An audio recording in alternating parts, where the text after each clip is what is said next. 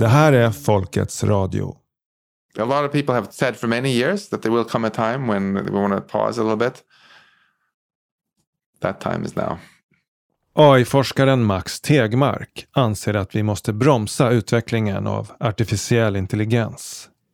Här intervjuad i podden Lex Friedman säger han att mänskligheten kör i rasande fart mot ett stup.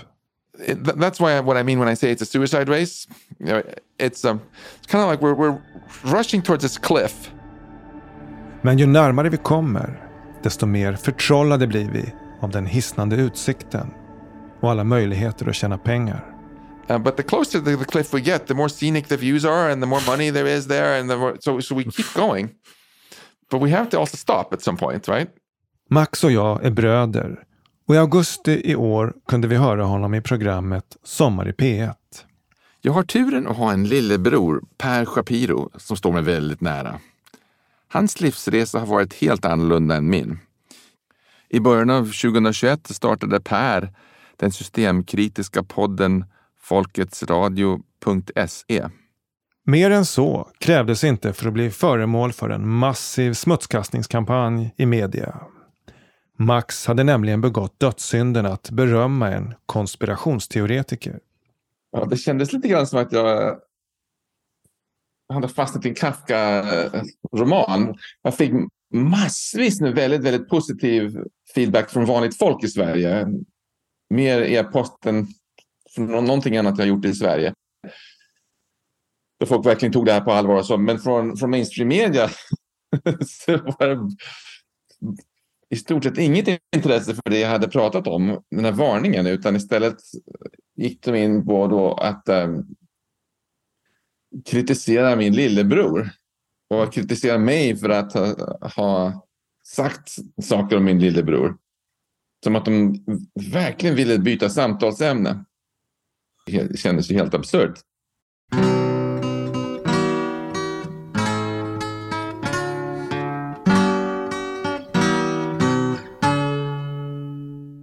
Sen jag startade Folkets Radio har jag blivit van vid olika typer av smutskastning. Min pappa brukade citera Dante. Follow your path and let the people talk. Jag följer den devisen, men tänkte göra ett undantag i det här fallet och bemöta några av anklagelserna. Det har ju varit tyst så länge i Folkets Radiopodden då jag haft semester, varit upptagen med boklansering och mycket annat. Så det här får bli en senfärdig uppstart inför hösten. Med Sommar i P1 som förlaga kanske vi kan kalla det för Brittsommar i Folkets Radio. Jag vill viska i ditt öra just de orden du vill höra Sommar, sommar, sommar då en mild och smidig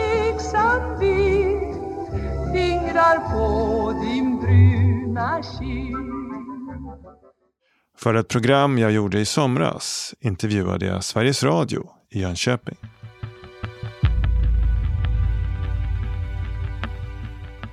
Eh, ja, du kan väl säga först för the record vem, vem du är? Peter Olsson, kanalchef på P4 Jönköping. Ja.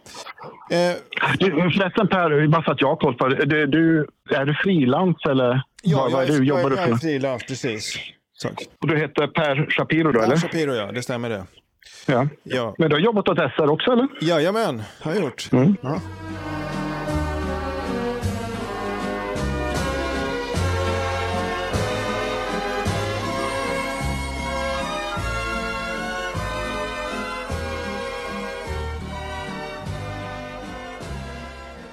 Jag minns knappt hur det hela började.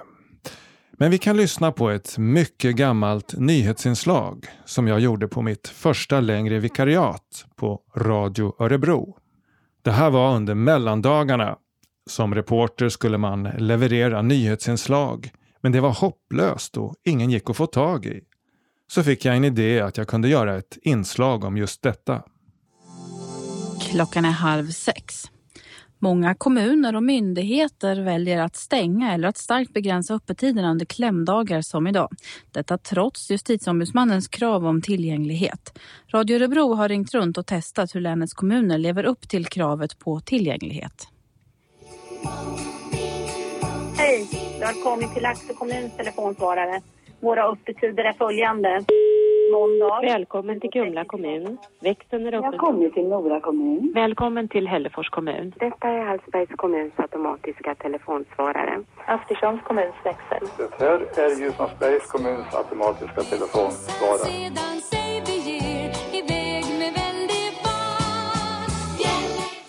För några år sedan röstade riksdagen igenom en lag att myndigheter och kommuner måste hålla öppet i minst två timmar dag före helgdag. Minst två timmar.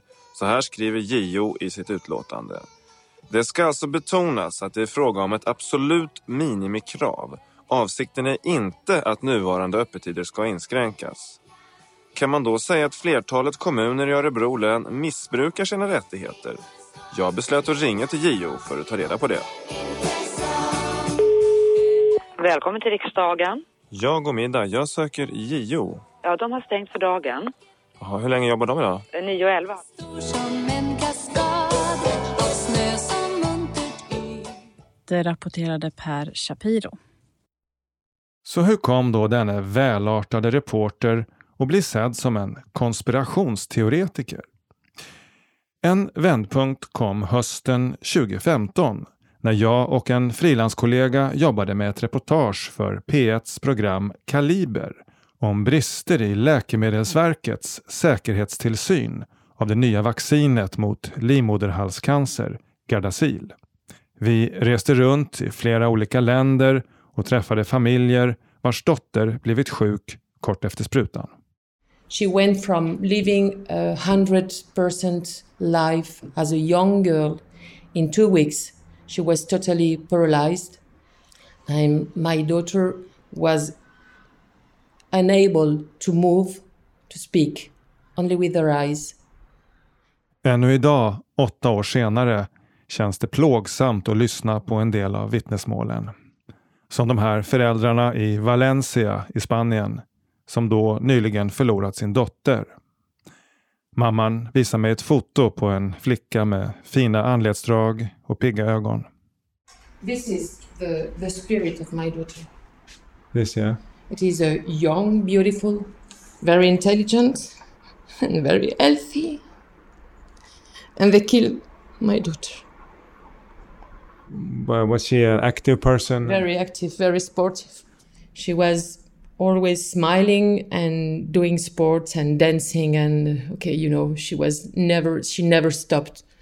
She was always doing things like a young 15 years old girl. And she she feel bad on January and she died on May. And I think it is the worst way of dying you can have as, as a human.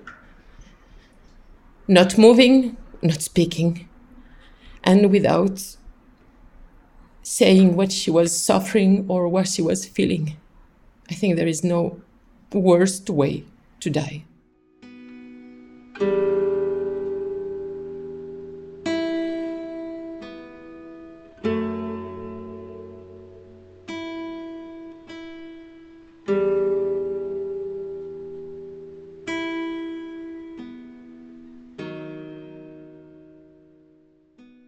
slogs av två saker när jag jobbade med det här reportaget. Dels hur illa de drabbade och deras familjer blev bemötta i sjukvården. Många blev hänvisade till psykiatrin, anmälda till socialtjänsten eller rent av hånade. Som Karina Hellgren, en mamma vi träffade i Helsingborg.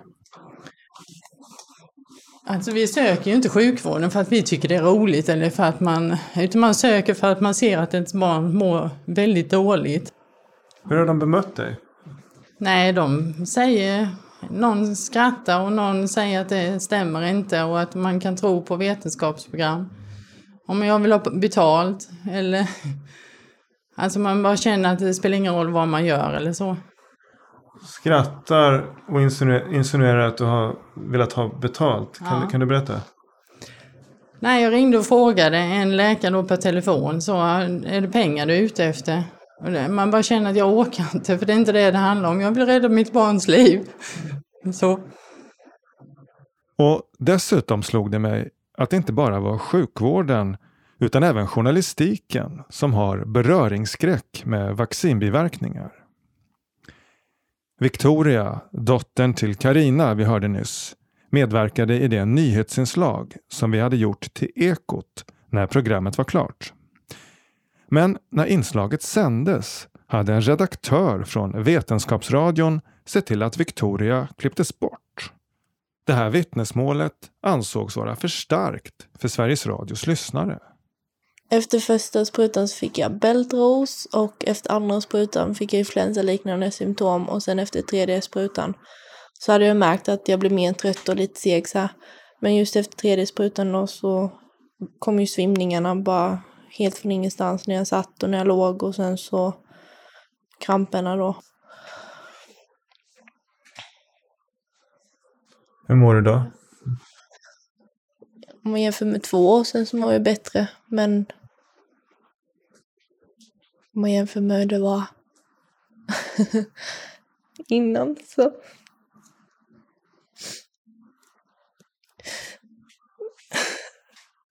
man känner inte riktigt igen sig själv när det händer sådana här saker.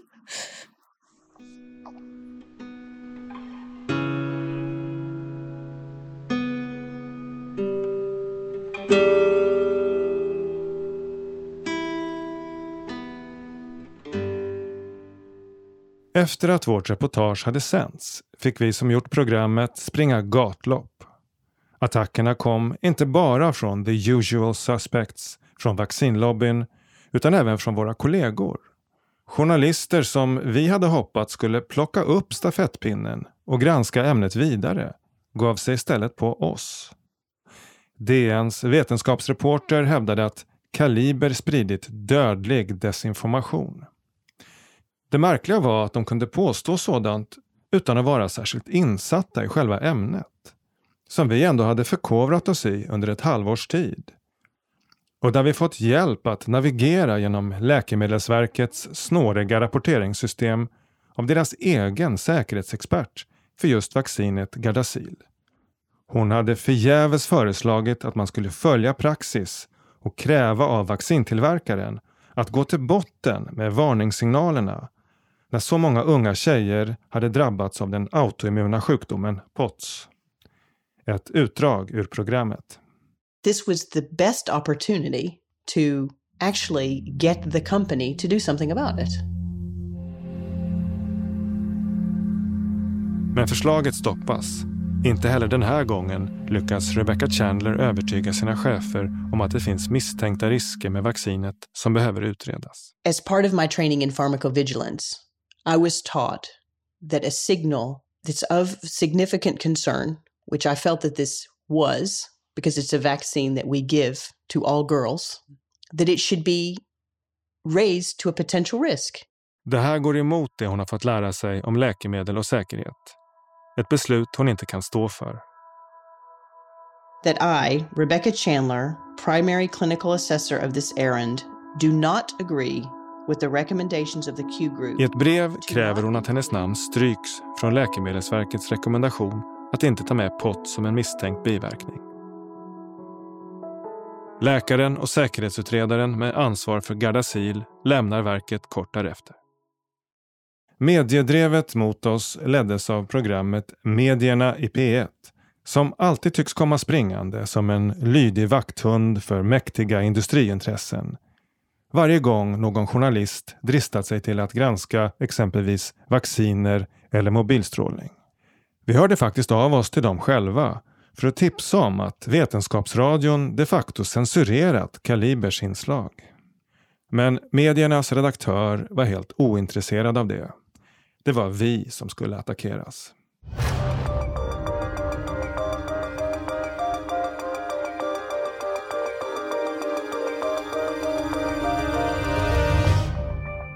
Sveriges Radios granskande program Kaliber staplade i veckan den ena känslostarka berättelsen på den andra om misstänkta vaccinbiverkningar. Sjuka flickor och oroade föräldrar fick prata om sina övertygelser om att HPV-vaccinet Gardasil gett upphov till så allvarliga biverkningar att det i princip förstört livet för flickorna. Det intryck som skapas av programmet är att ansvarig myndighet i Sverige struntat i att utreda ett misstänkt samband mellan vaccinet och det ovanliga syndromet POTS, trots tydliga varningsklockor. Det jag inte visste då var att SR, UR och SVT ägs av ett moderföretag som heter Förvaltningsstiftelsen för Sveriges Radio AB, Sveriges Television AB och Sveriges Utbildningsradio. Som har samma postadress som Institutet för mediestudier som grundades av Lars Truedsson som också grundat produktionsbolaget Tredje statsmakten som producerar programmet Medierna i P1. Forskningen som bedrivs av institutet finansieras av bland andra Marianne och Marcus Wallenbergs stiftelse. För ungefär två år sedan ringde medborgarjournalisten Martin Stensö upp Lars Truedsson och undrade om det inte blir klibbigt att medierna i P1 produceras av ett bolag där han som chef får en del av sin lön från Sveriges Radio och en annan del från Wallenbergarna och Investor. Det blir lite underligt för att det, ni har ju stöd av eh, Marianne och Marcus Wallenbergs eh, stiftelse till exempel. Och LO. Så det blir, ja, så det blir lite geggigt liksom. Svenska kyrkan och alla. Ja. Alltså vi har ju stöd från så många håll att vi är fristående. Skulle jag vilja påstå. Ja, det där är, det där är, någon, det där är någon journalistskada du har, när, att man uttrycker sig så. Att, att vi har stöd från alla, så därför är vi oberoende. Alltså det, det köper inte jag riktigt. Det hörs lite dåligt, men Truedsson säger alltså att det är omöjligt för ett medieinstitut att vara oberoende. Men att de kompenserar upp donationerna från Wallenbergsfären genom att också ta emot pengar från Svenska kyrkan och olika fackföreningar. Nej, men alltså oberoende går inte. Men, eh, alltså, filosofiskt har du ju absolut rätt. Ja. Men, men eh, en, väg att sträva mot det målet är att, det, eh, Eh, att, eh, ha stöd för många olika personer med olika, eller många olika håll med olika intressen. Tänk om det handlade om ett medieinstitut i Moskva som tog emot pengar från ryska oligarker. Men sa att det är ingen fara för vi kompenserar upp det hela genom att också bli sponsrade av rysk-ortodoxa kyrkan.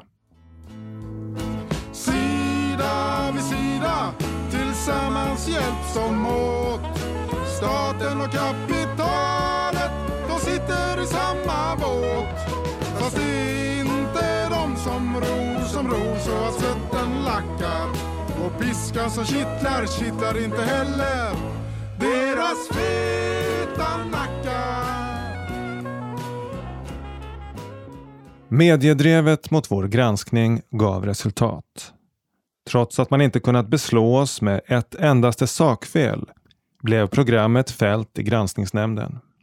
Det var tydligt att vi hade överträtt en osynlig gräns. Och vi hade fått en varning. Ville man ha en karriär inom mainstream-journalistiken gällde det att hålla sig på rätt sida om denna gräns.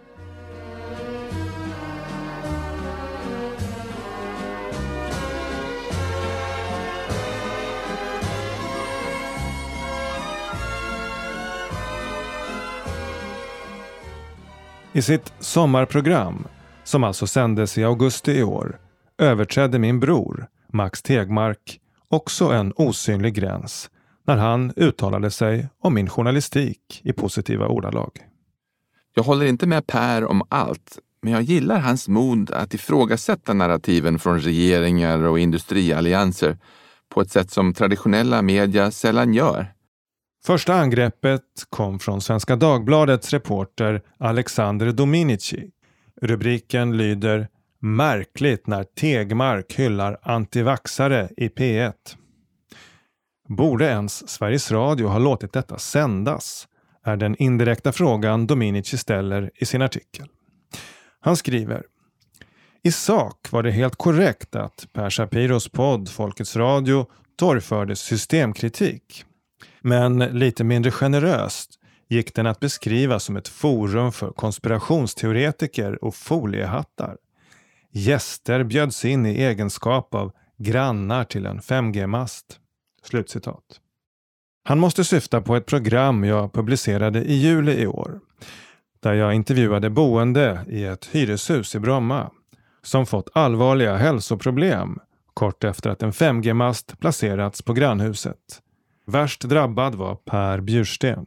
Jag började få eh, hjärtrusning efter fyra timmar efter jag kom hem från jobbet och det höll i sig tills jag lämnade mitt hem. Jag märkte också att min dotter inte kunde sova. Jag själv hade också svårt att komma till sömns. Och på måndag morgon när jag vaknade eh, och tittade mig själv i spegeln så var jag helt uppsvullen, hela kroppen från huvud till tå. Jag hade eh, alltså streck i pannan, i ansiktet från täcket då. Eh, på mina armar, mitt bröst, eh, mina överben, underben och till och med på fötterna. Och, och jag var på väg till jobbet, skulle ha ett viktigt möte. Jag märkte att jag knappt fick i fötterna i skorna. Strålningsnivåerna i hans bostad är höga, men ligger under Strålsäkerhetsmyndighetens gränsvärden. Mitt fall slår det hål på alla referens och gränsvärden de har hittat på.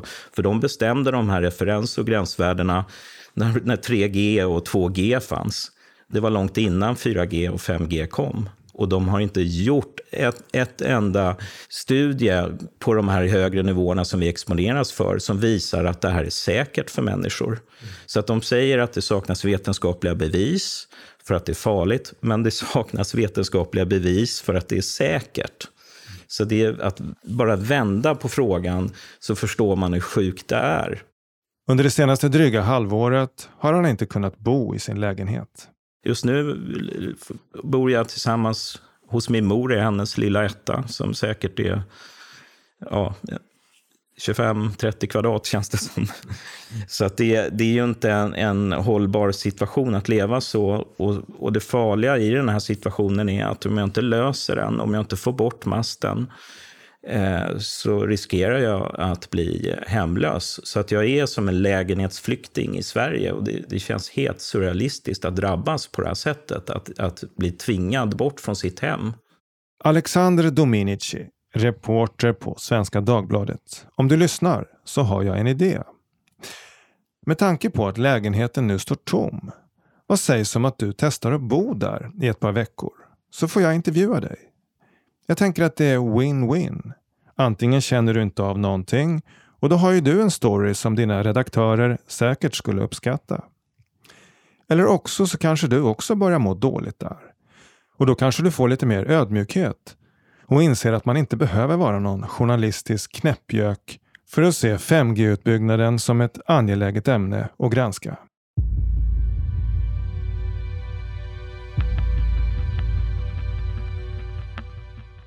Max Tegmark anmälde Svenska Dagbladet till Medieombudsmannen påpekade att tidningen vägrat publicera en rättelse där de korrigerar flagranta faktafel. Nyligen meddelades att ärendet avskrivs. Det står att Svenska Dagbladet uppfyllt sin medieetiska plikt och att man inte finner några skäl att rikta kritik mot tidningen. Beslutet är underskrivet Kaspar Opitz, allmänhetens medieombudsman. Hmm, vad har jag hört det namnet förut? Just det, det var ju en intervju jag gjorde nyligen med journalisten Anders Bolling som lämnade Dagens Nyheter för ett par år sedan och som nu skriver en bok om klimatfrågan. I vårt samtal berättar han om ett mellanhavande med just Kaspar Opitz som vid tidpunkten var en av DNs redaktörer. Vi har ju varit klimatintresserad. Jag var vädernörd sedan jag var barn. Jag liksom satt och läste av termometrarna när jag var 11-12 år och skrev upp och sådär. På senare tid när det blev lite mer aktuellt med själva klimatfrågan, då, slutet 90-talet kan man säga, mm. så började jag följa den också ganska nära. Så jag har följt den i 20-25 år väldigt, väldigt tätt liksom och tycker det är spännande. Så jag skrev ganska mycket om klimatet och jag skrev inte minst i en blogg som jag hade som heter Framstegsbloggen. Och då tyckte jag det var viktigt att skriva just att i, i, när det gäller klimatet så är det väldigt mycket som inte alls är så illa som vi tror, eller som man bibringas att tro när man läser eh, nyheterna och li, tittar på SVT och lyssnar på SR och sådär och även en massa utländska tidningar. De här stora tidningarna och stora medierna, de driver den alarmistiska bilden av eh, klimatet och undviker ja, på något myst, nästan mystiskt sätt bara underlåter att berätta om, om eh, att det finns mycket som inte liksom talar för att allting håller på att gå åt pipan nästa vecka. Men i alla fall, det gjorde jag och det fick jag ju höra då av en, en, eh, en kontakt med, med bit, nej, redaktionschefen var det väl, Kaspar Opitz var det på den tiden, eh, som hade med det att göra och sa att ja, du, för då hade jag precis publicerat ett par sådana här inlägg på den där bloggen som, med, med massor, i vanlig ordning massor av länkar och massor av referenser till vetenskapliga studier. Inga konstigheter, det går liksom, liksom inget, det var inga, inga fel i dem. Så sa han, ja, men de här sakerna du skriver, det kanske inte är så lämpligt att, att du gör, du kanske inte ska fortsätta med. Vi får väldigt mycket mejl om det här, sa han. Vi får väldigt mycket mejl om det här. Jaha, så jag, men är det, är det några fel om man hittat det? Nej, nej, det är inte det. Du brukar vara noggrann och så, här, sa, sa han. Men, eh, men du vet hur det är med de här, de här mejlen. De, de, folk är väldigt bekymrade över, över den här vinklingen du har och du vet ju hur vi, jag menar, hur vi brukar, så sa han det här då, att eh, ja, men du vet vad vi har för hållning eh, Eh, gentemot förintelseförnekare. Och då, vi, vi vill ju liksom ha ungefär samma hållning i den här frågan. Det förstår du väl, ungefär. Då blev jag liksom eh, alldeles kall, så där, för jag fattade först inte att, att eh, den här chefen kunde göra en sån referens. Men det, det, var, det var verkligen så. Kaspar Opitz. Du jämställer alltså människor som kritiserar det officiella klimatnarrativet med förintelseförnekare. Och du är nu allmänhetens medieombudsman. Det känns betryggande.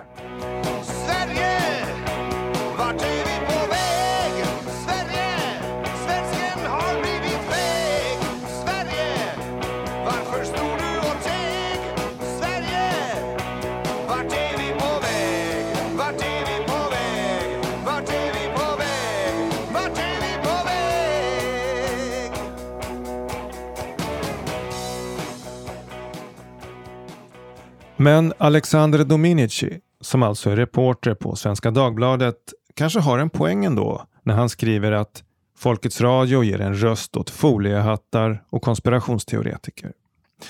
Jag ogillar de epiteten han använder. Men det är ju sant att en betydande andel av de program jag har gjort har handlat om biverkningar av vaccin och riskerna med mobilstrålning. Varför, kan man ju undra, lägger jag så stort fokus på att granska just det? Ett av skälen är att mainstream-journalistiken inte gör det. Och någon måste ju granska de områden där vår tids viktigaste kontroverser finns. Och jag anser det vara fel att journalistiken i allt högre utsträckning betraktar våra tillsynsmyndigheter som exempelvis Läkemedelsverket och Strålsäkerhetsmyndigheten som någon sorts sanningsministerium. Vem kontrollerar att myndigheterna inte blir korrumperade? Och att det de påstår har täckning för sig. Det måste väl vara journalistikens ansvar?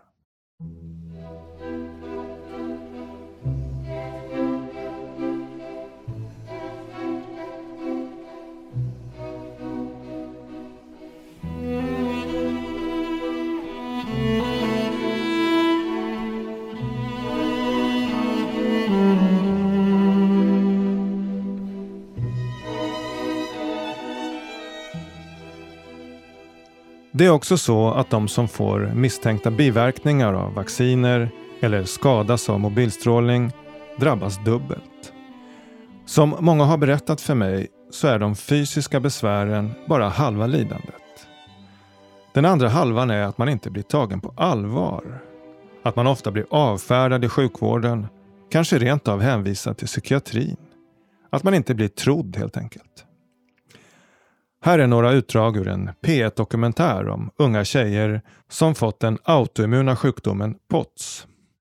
Och så sa de att nej men nu har vi inte hittat någonting så sök psyk istället. Eh, och få höra det någon gång i månaden när man åker in och mår jättedåligt och inte kan äta, inte kan stå upp och har ingen ork.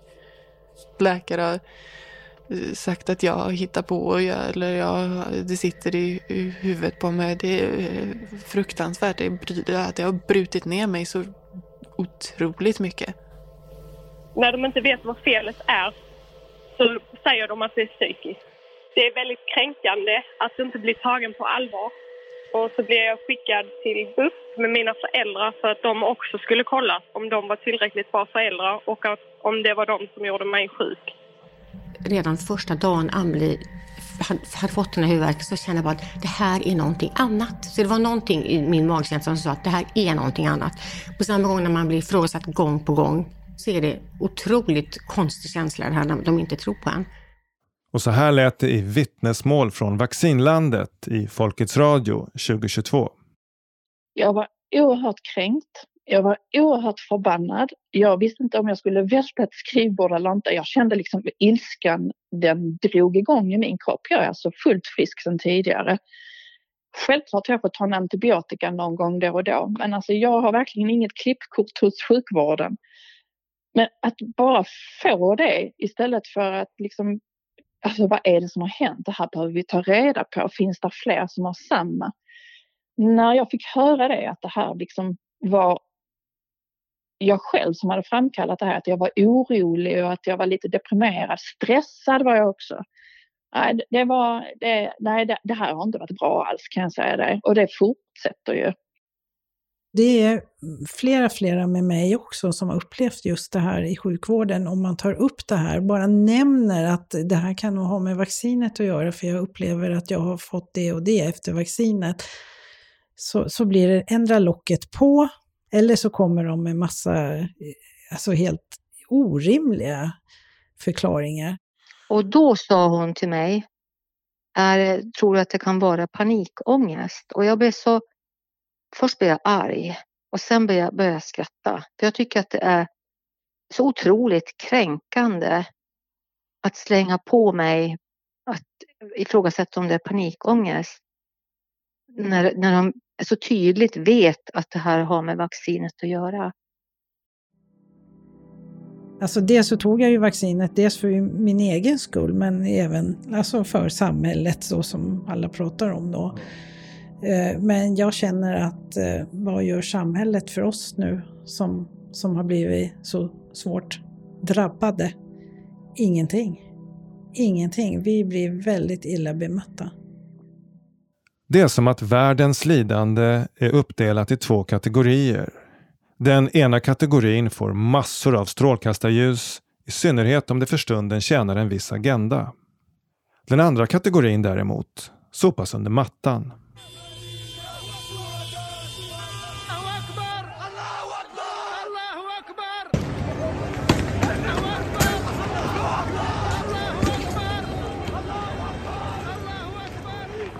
I upptakten till Natos bombningar över Libyen 2011 fylldes medierna med överdrifter om ledaren Muammar Gaddafis grymheter. Bland annat spred man lögnaktiga påståenden om hans svarta legosoldater som skulle ha flugits in i landet för att våldta och sprida terror. Man överdrev och ljög för att skapa opinion för ett militärt ingripande. Men baksidan var att man eldade på den latenta rasism som fanns i det libyska samhället. Vilket ledde till godtyckliga lynchningar av svarta och en etnisk rensning av en hel stad, Tauerga. Men om detta rapporterades knappt i våra medier. För massmord på svarta passade inte in i dramaturgin om en humanitär intervention.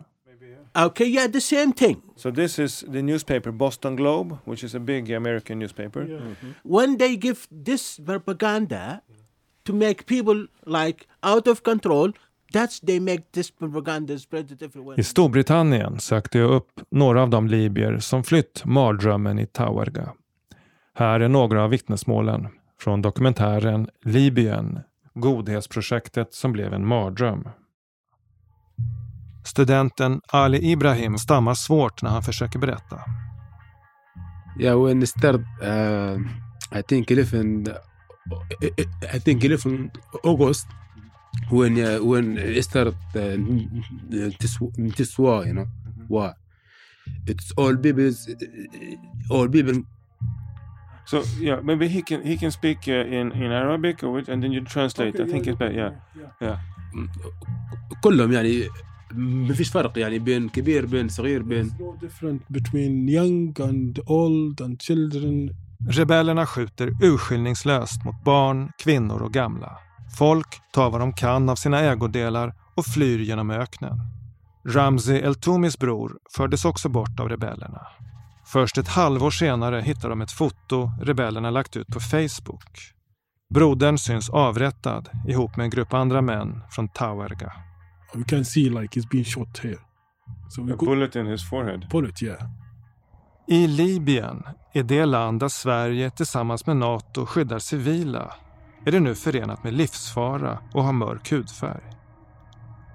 So saying that you are coming to protect civilian in 2011 is very shameful because civilians is dying and uh, and uh, and you were the witness. Programmet som sändes 2020 skulle bli mitt sista program för Sveriges Radio på ett tag. Ramzi El-Toumi undrar alltså varför vi inte gjorde något för att hindra pogromerna mot svarta. Han tycker det är skamligt att påstå att vi var där för att skydda civila. Det tycker jag också. Och jag kommer fortsätta rikta min mikrofon mot det lidande som mäktiga intressen försöker dölja. Om det gör mig till konspirationsteoretiker, må så vara.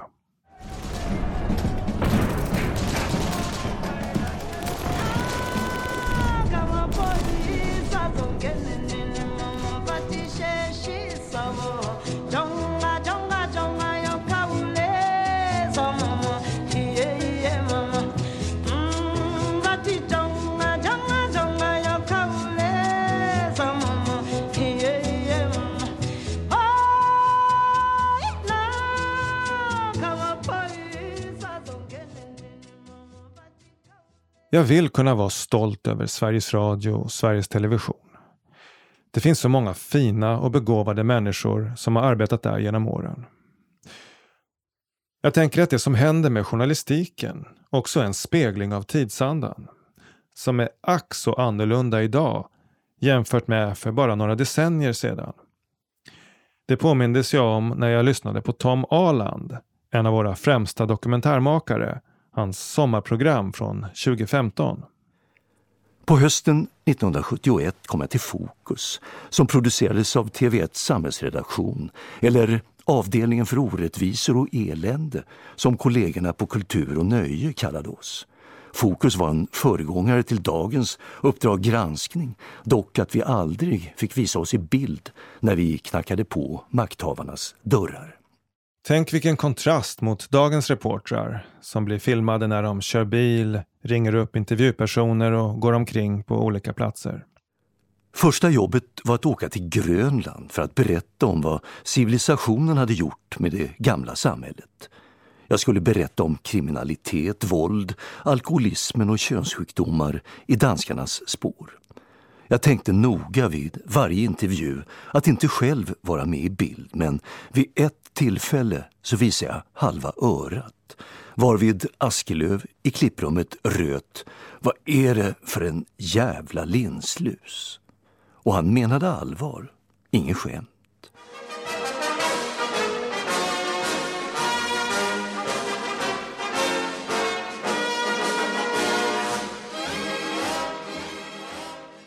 Den senaste kritiken mot min bror kommer från tidskriften Forskning och framsteg.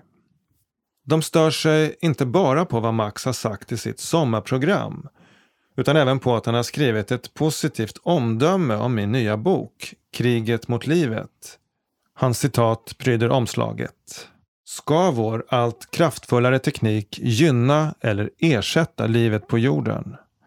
Man behöver inte hålla med om allt i denna välskrivna och tankeväckande bok för att uppskatta den som ett oerhört angeläget inlägg i vår tids viktigaste diskussion. Slutcitat. Vetenskapsjournalisten Anna Davour skriver i sin artikel Jag tycker att människor förtjänar bättre vägvisare i verklighetens snårskog än Per Shapiro. Jag ställde några motfrågor till tidningens chefredaktör för att utröna hur pass bra vägvisare forskning och framsteg är i denna snårskog.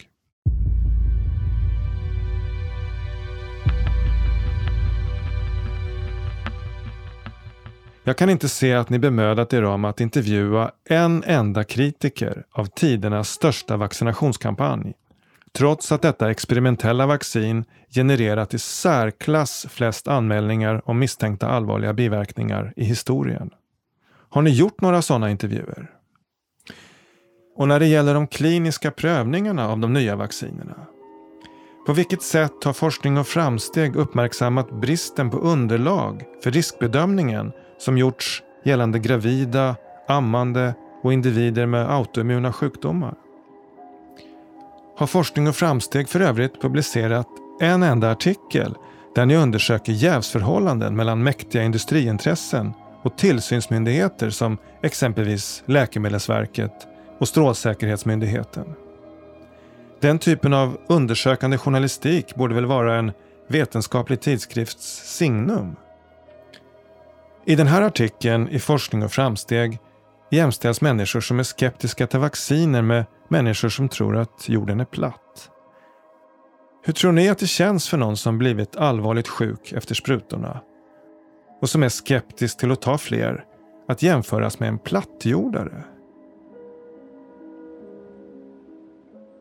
Intervjun i sin helhet med chefredaktörens svar kan du läsa på Folkets Radios hemsida.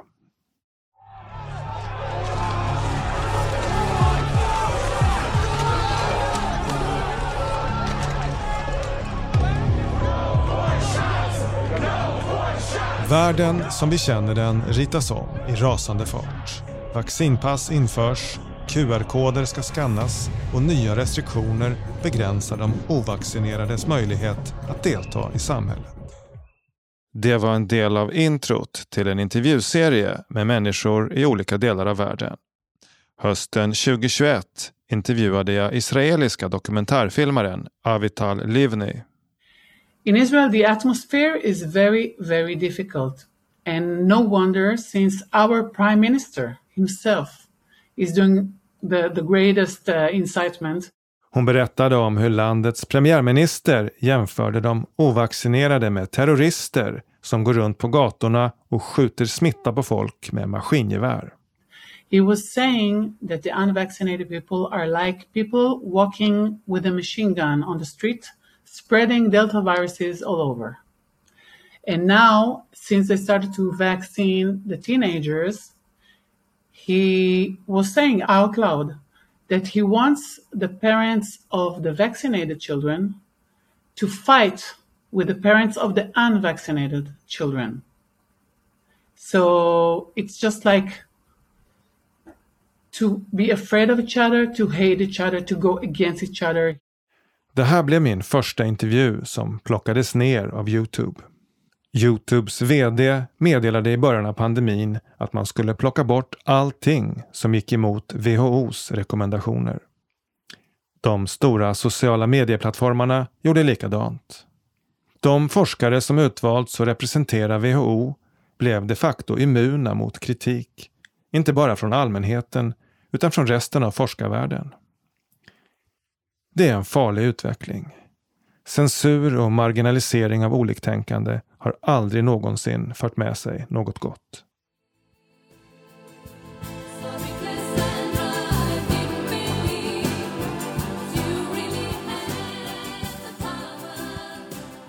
Det var ABBA som sjöng om Cassandra som förbannades att alltid förutspå sanningen men aldrig bli trodd.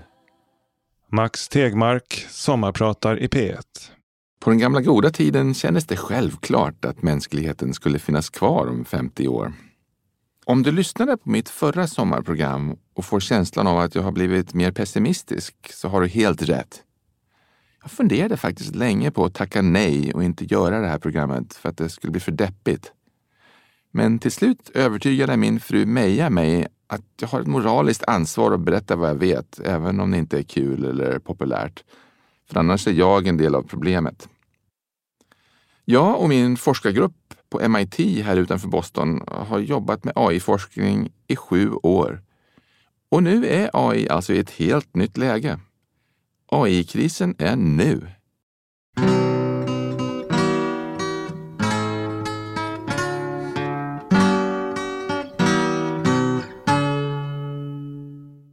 Alla ni journalister som avleder uppmärksamheten från Max varningar och som hjälper till att sopa vår tids ödesfrågor under mattan.